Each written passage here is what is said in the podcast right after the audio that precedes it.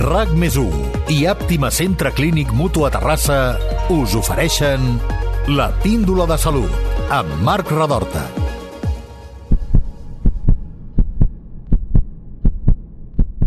Què us transmet la paraula neurocirurgia? La primera idea és que té a veure amb problemes al cervell, amb operacions molt complexes i per malalties que afecten molt el nostre estat cognitiu. Doncs avui trencarem aquesta imatge.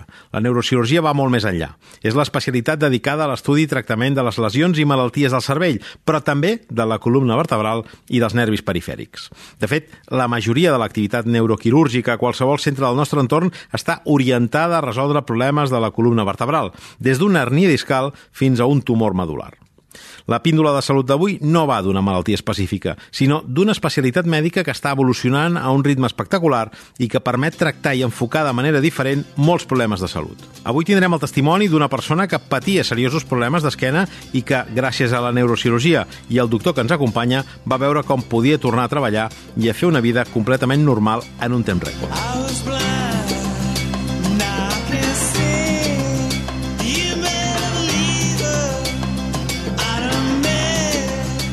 Rosa, benvinguda a la Píndola Salut. Gràcies. Uh, Rosa, presenta't. Qui ets? Quina edat tens? Quina feina fas? Doncs mira, jo sóc la, la Rosa Pastor, sóc mestra d'infantil. Uh, ara en aquest, actualment estic en una aula d'infants de 4 i 5 anys i tinc 53 anys. Molt bé. Quan et va començar a venir el mal d'esquena i quins, quins símptomes tenies? Doncs mira, just fer el 50. Això de, fer, això de canviar de número no, no va bé eh, tenia molt dolor. Eh, la meva vida era realment aprendre a conviure amb el dolor, no, no em podia ni ajupir ni fer la meva feina doncs, com, com s'ha de fer, no? A posar-me a l'alçada dels infants i estar tot el dia doncs, pendent d'ells. No? Um, tenia un dolor molt intens a la zona lumbar i, i res, doncs, va passar això, va ser durant un any i mig fins que no vaig poder passar per l'operació, pel quiròfan, doncs conviure a diari amb un dolor molt intens. Suposo que devies anar al metge. Quins, quins van ser els primers tractaments? Sí, el primer tractament va ser una visita al traumatòleg i fer una resonància i donat el resultat d'aquesta resonància el traumatòleg ja em va derivar cap a un neurocirurgià eh, especialista. Clar, no era una cosa que es pogués resoldre doncs, prenent uns analgèsics o prenent una medicació, no, diríem? No, exacte. Uh -huh. Sí que prenia medicació per, per apaivagar el dolor, però no, ja va ser anar, anar directe cap a, cap a l'operació. Eh, és el que t'anava a preguntar, el neurocirurgià ja d'entrada, ja d'entrada, en tot cas, després d'explorar i de veure les proves, ja va arribar a la conclusió que, que, que calia uh, intervenir, oi? Bé, primer no, primer la idea era fer algunes sessions eh, per poder apaivagar el dolor, acompanyat de la medicació, però realment la, la hèrnia discal que, que se'n va detectar es va fer gran en pocs mesos fins que ja no em, va, no em permetia gairebé ni bellugar-me i per tant a partir d'aquí sí que ja eh, després també d'un atac com de dolor molt més intens no? que, que afectava tota la part nerviosa eh, doncs sí que el doctor va decidir intervenir. I què et van fer? Quin, quin record tens de la intervenció? Home, doncs la veritat és que, tot i que passar per quiròfan eh, pot espantar o, o pot resultar, no?, allò que dius, ostres, a veure com te n'en sortiràs, realment jo, la meva experiència, la recomano per qualsevol persona que es trobi en la mateixa situació que em vaig trobar jo, eh, donat que, a veure, sí que era una intervenció molt delicada i que el doctor havia d'estar doncs, molt concentrat eh, per fer-la, però, clar, entrar en aquesta situació de dolor tan intensa i, i realment ell em va prometre que just em despertés de la intervenció doncs no sentiria dolor i realment mm, va ser així. Eh, és una intervenció eh, diguem gairebé com de microcirurgia, no? I per tant la, la, la, la incisió és, és molt petita i, i la, el, el, el fet de, de l'operació doncs, clar, no és tan invasiva com podria ser un altre tipus d'operació, no? el qual et permet una recuperació doncs, doncs força ràpida. Això t'anava a preguntar, la recuperació, mm, si, si ja et vas llevar sense, sense dolor pràcticament, eh, devia ser molt ràpida. Sí, sí que va ser ràpida. De fet, eh, jo en el moment que vam fer la intervenció estava en una aula d'infants de, de 3 anys Um, volia acabar el curs com fos com fos i realment primer em vaig pensar que, que no ho podria fer, però res, van, van operar el mes de gener i va ser el segon trimestre que no vaig poder estar a l'aula, però el tercer trimestre em vaig incorporar amb total normalitat. La meva recuperació va ser caminar molt, caminar eh, cada dia per anar reforçant les, la musculatura i realment no, no sentia gens de dolor, i res més. I, i després, passat aquesta recuperació, aquests tres mesos, van ser tres mesos, després ja vaig poder-me incorporar a la feina amb, amb total normalitat uh, i, i molt bé, uh -huh. sense cap mena de dificultat. I, I què li diries a algú que estigui en una situació similar a la teva? Doncs que, que es deixi aconsellar i que si la, realment la seva solució és l'operació, mm, que endavant, perquè la veritat és que és una sensació aquesta, no? de, de que has après a, viure amb aquest dolor que ja gairebé ni, ni forma part de, de, de tu mateix, no? I, ostres, a poder-te despertar i poder caminar i poder fer els actes quotidians, eh, el dia a dia, des d'anar de, des al lavabo, eh, per exemple, amb total normalitat quan no ho has pogut fer, no? O deixar de d'estar en moviment constant perquè no, no et permet seure el dolor i, per exemple, jo les reunions les feia sempre en moviment, no? allò anar ballant, perquè realment era impossible seure'm i estar-me 5 minuts asseguda en una cadira. No? Per tant, era una sensació totalment de recuperar la teva vida que, que has estat durant molt temps que no, no? No, no podies fer vida normal. Rosa, gràcies per compartir el, el teu testimoni amb nosaltres. Celebrem aquesta, doncs, que, que s'hagi resolt definitivament eh, aquest problema i gràcies per acompanyar-nos. Molt bé, a vosaltres. Ara de seguida comentem el cas de la Rosa, però la neurocirurgia intervé sobre el sistema nerviós i tenim la idea, mm, segurament equivocada, que les neurones només estan al cervell. On estan situades les neurones? Bé, les neurones són les cèl·lules principals del sistema nerviós. Aquest es divideix a grans trets en el sistema nerviós central, constituït pel cervell, el tronc encefàlic i la medul·la espinal, i el sistema nerviós perifèric, format per nervis i ganglis nerviosos. I quina feina fan en el nostre cos? Bé, el sistema nerviós, eh, a través de les neurones, participa en la majoria de les funcions del nostre organisme. Per una part, eh, doncs, regula el funcionament dels òrgans interns sense que l'individu hi participi de manera conscient. D'altra banda, permet dur a terme funcions cognitives complexes, com eh, seria parlar, és a dir, elaborar el llenguatge, i executar accions conscients eh, que requereixen un aprenentatge inclús eh, hem de ser conscients també doncs, que, valgui la redundància, la nostra consciència depèn de les neurones, concretament de les que constitueixen la substància reticular ascendent, una estructura localitzada al tronc encefàlic, que és un dels centres neurals més primitius, evolutivament parlant, del sistema nerviós central. Uh -huh. Ara escoltàvem a la Rosa. Recordes el seu cas? Sí, perfectament. La Rosa va consultar per presentar un quadre de lombocietalgia esquerra molt limitant. Això vol dir mal d'esquena i radiació d'aquest dolor cap a la cama. Prèviament ja portava més d'un any amb episodis de mal d'esquena a nivell lumbar, tenia una hèrnia molt gran al nivell L5SU que li comprimia de manera severa un dels nervis que van des de la columna fins la cama, concretament la RLSU esquerra. No podia caminar, eh, estar dreta ni desenvolupar cap activitat sense patir un dolor intens. La compressió del nervi, a més a més, li provocava una pèrdua de sensibilitat a la planta del peu i cap dels tractaments conservadors que havia provat prèviament doncs, li havia millorat de manera significativa la, la clínica o el dolor. Uh -huh. Estem parlant d'hèrnies, una hèrnia exactament què és? Perquè ens entenguem tots. Sí, una hèrnia, aviam, eh, és el que seria l'extrusió del material intern d'un disc cap a fora. Sí. És a dir, un disc sa està constituït a grans trets també, sí. de forma genèrica, per dues parts. El nucli central, o pulpós, que és més gelatinós, sí. i la part externa, que és com una mena de cinturó o anell fibrós, que no. el que fa és compactar i contenir aquesta part o nucli central.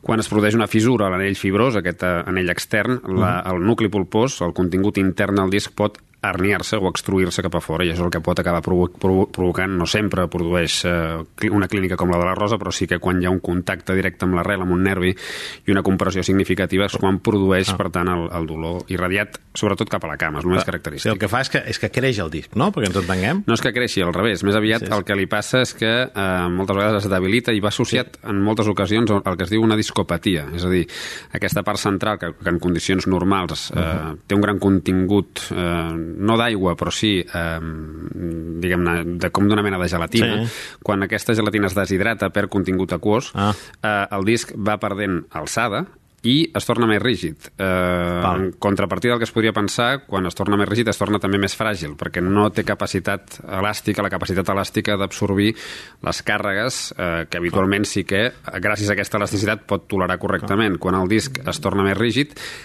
es trenca amb més facilitat i quan es trenca és quan s'extrueix o cèrnia aquest contingut central. Ens quedem sense amortidors, no?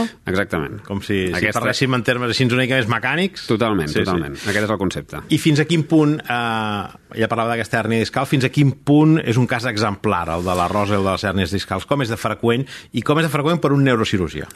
D'acord. Eh, la patologia de la columna vertebral, i en particular la lumbar, és molt freqüent. De fet, és la principal causa de baixa laboral en els països occidentals. Al voltant del 80% de la població presentarà algun problema de columna lumbar al llarg de la seva vida. Això, evidentment, no implica que tots aquests casos hagin d'acabar quiròfan, però sí que representa la majoria de la nostra activitat com a neurocirurgians, el que és la patologia de columna i de la columna lumbar en particular.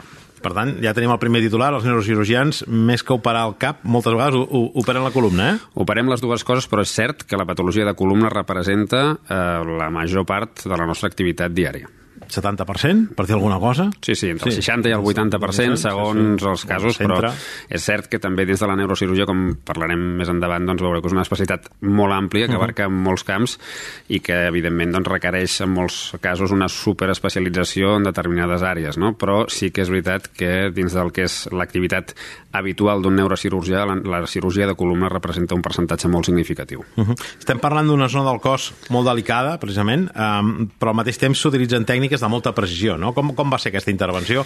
Com, si, si, si va ser exemplar, com ens comentes, com són aquest tipus d'intervencions? Sí, la columna està constituïda, òbviament, per vèrtebres, que són ossos, que s'articulen entre elles i que, a més a més, es relacionen amb lligaments i amb músculs. Eh, tot això permet que la columna realitzi moviments complexes que són imprescindibles per dur a terme les nostres activitats habituals.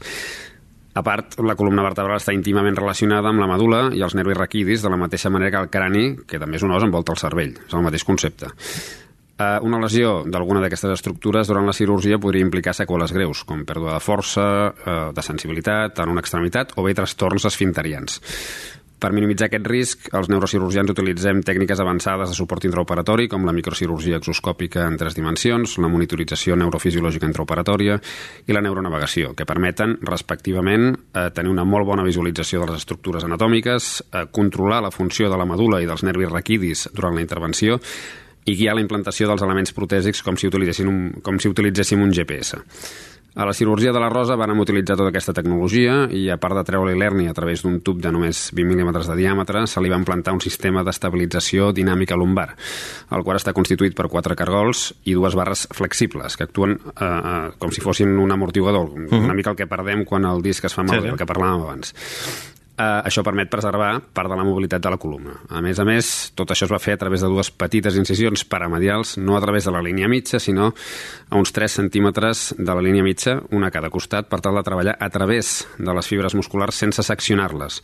D'aquesta manera, això permet doncs, minimitzar el dany muscular i que la recuperació sigui més ràpida.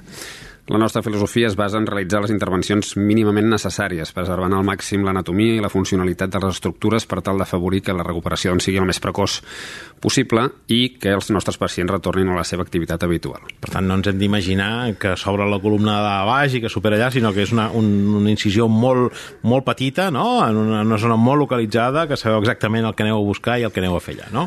Correcte. Eh, sí que hi ha alguns casos molt concrets on és necessari obrir la columna, diguem-ne, de la manera més eh, tradicional o convencional, uh -huh. que és per la línia mitja, però nosaltres sempre que podem ho evitem. Avui en dia, per sort, doncs, hi ha abordatges eh, cada vegada menys invasius que permeten realitzar eh, doncs, intervencions eh, preservant al màxim els teixits que eh, no presenten cap problema. Hem d'anar o focalitzar-nos dins del que sigui possible en la malaltia o el problema que presenta el pacient, sí, sí. respectant la resta de teixits. Quins altres problemes de columna es poden tractar des de la neurocirurgia? Doncs bé, eh, de fet els neurocirurgians som els especialistes que podem assumir eh, tot el ventall de malalties que afecten la columna vertebral, perquè a part doncs, de les hèrnies discals i la resta de patologies degeneratives, com poden ser doncs, l'estenosi de canal raquidi, dels foraments de conjunció per on surten els nervis, que pot, poden, això pot condicionar doncs, un, un compromís de la medula o dels nervis raquidis que surten de la columna cap a les extremitats, eh, també doncs, de la pròpia discopatia o degeneració del disc sense hèrnia associada, o de la sobrecàrrega de les articulacions articulacions intervertebrals, que provocaria bàsicament lumbàlgia.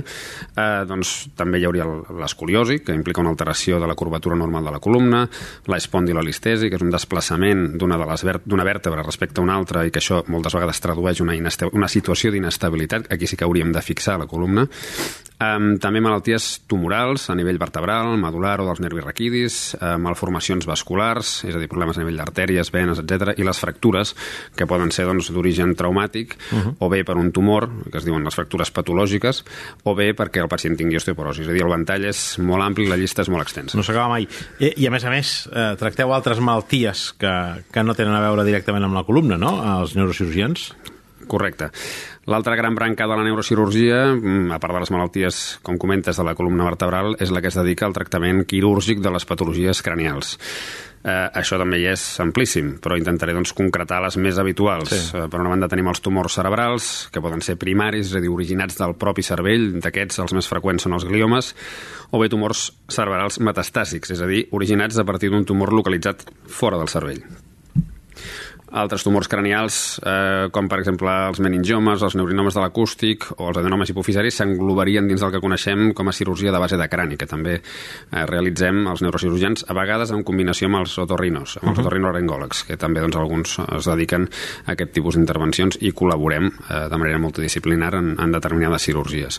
També la patologia neurovascular, com els aneurismes, les malformacions arteriovenoses, les fístules durals, els cavernomes, inclús en els ictus isquèmics i hemorràgics, a vegades també hem de participar per evacuar un hematoma o per fer espai traient una part del crani perquè el cervell que ha presentat un infart no s'infli, eh, explicat d'una manera sí, sí, senzilla. Sí, sí. Uh, també els traumatismes cranioencefàlics i les seves múltiples lesions, fractures cranials, hematomes derivats de les, dels propis traumatismes, la hidrocefàlia, que és força freqüent, també, que és, consisteix en un excés de líquid cefalorraquidi a nivell dels ventricles cerebrals per múltiples causes, també la malformació de Chiari, que és una altra patologia força freqüent i que potser doncs, la gent eh, eh, doncs, li sonarà. Eh, I, per una altra banda, doncs, hi ha el tractament també quirúrgic de certes malalties que potser doncs, no és tan conegut, que es puguin tractar quirúrgicament, però que també hi ha certes indicacions, com és en, en l'epilèpsia, el Parkinson, inclús la depressió o el trastorn obsessiu compulsiu. Eh, això correspondria a la subespecialitat de la, o, la, o la, la branca de la neurocirurgia funcional. I això deu ser en casos molt, molt específics, eh? Sí, sí, correcte. És, no, òbviament no tots els pacients amb Parkinson o tots els pacients amb epilèpsia han d'acabar quiròfan, ni tampoc totes les depressions o els trastorns obsessius, obsessius compulsius es tracten eh, quirúrgicament, però en alguns casos concrets on altres doncs, eh, opcions terapèutiques no són adequades o no, o no resulten efectives, doncs es pot optar o valorar si la cirurgia és una, és una opció. Per una altra banda, i disculpa que em deixava aquest punt, sí, sí. per una altra banda també tractem les malalties que afecten el sistema nerviós perifèric, mm, unes molt freqüents, per exemple, serien el síndrome del túnel carpià i l'atrapament del nervi cubital, i inclús també doncs, el dolor neuropàtic, que implicaria un, un dolor que s'ha cronificat per afectació d'un nervi o de la medula a vegades inclús, eh, o bé inclús per infarts a nivell cerebral, concretament els que afecten el tàlam, pot quedar un dolor persistent de mal control mèdicament parlant, doncs no, no, no tens un fàrmac que, que controli de forma adequada el, el, el dolor i la cirurgia en aquest cas també podria ser una opció mitjançant tècniques de neuroestimulació tant a nivell medular com a nivell cerebral.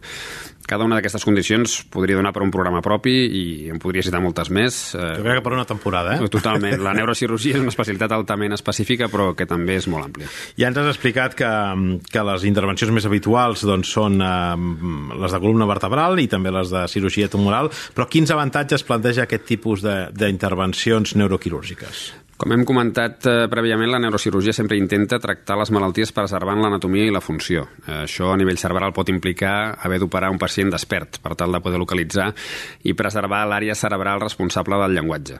A nivell de la columna, la microcirurgia eh, i els altres suports intraoperatoris que hem comentat, vinculats a abordatges cada vegada menys invasius, i a implants dirigits a preservar el moviment, com els sistemes d'estabilització dinàmica, com el que porta la Rosa, uh -huh. o bé pròtesis de disc cervicals i lumbars que simulen el que seria un disc eh, natural, doncs serien sí. discos eh, com un disc artificial, sí, sí.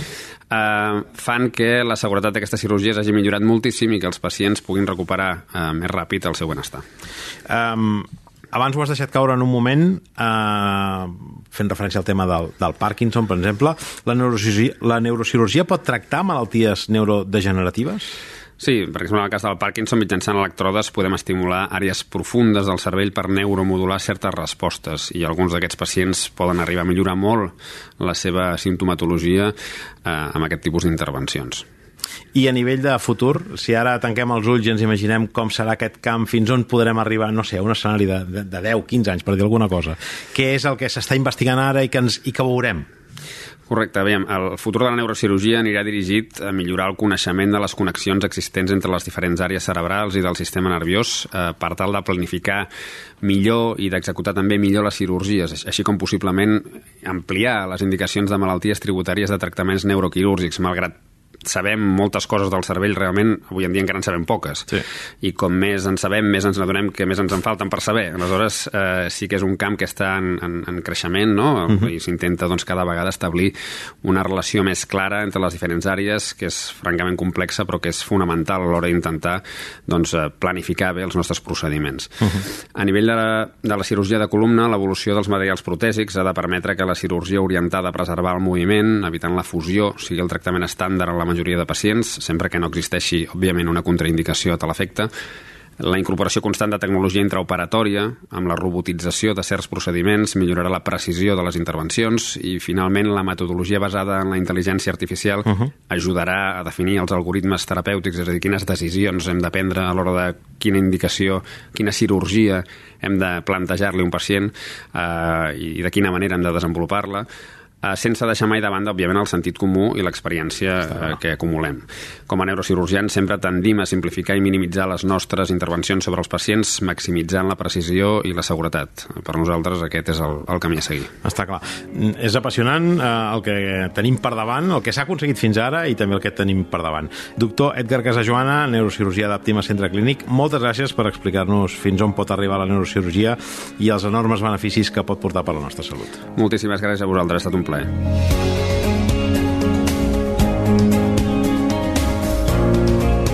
La píndola en un minut. La neurocirurgia tracta les malalties del cervell, però també de la columna vertebral i dels nervis perifèrics.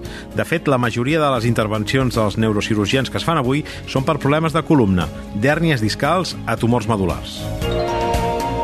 La neurocirurgia de la columna aposta per intervenir només en situacions molt necessàries i preservant al màxim l'anatomia i els músculs, ossos, articulacions, lligaments i elements nerviosos per afavorir una ràpida recuperació.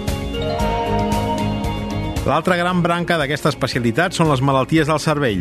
S'intervenen tumors cerebrals, aneurismes, traumatismes cranioencefàlics, la hidrocefàlia o fins i tot alguns casos de malalties com l'epilèpsia, el Parkinson o la depressió. El futur d'aquesta especialitat està íntimament lligat al coneixement del cervell i a la tecnologia.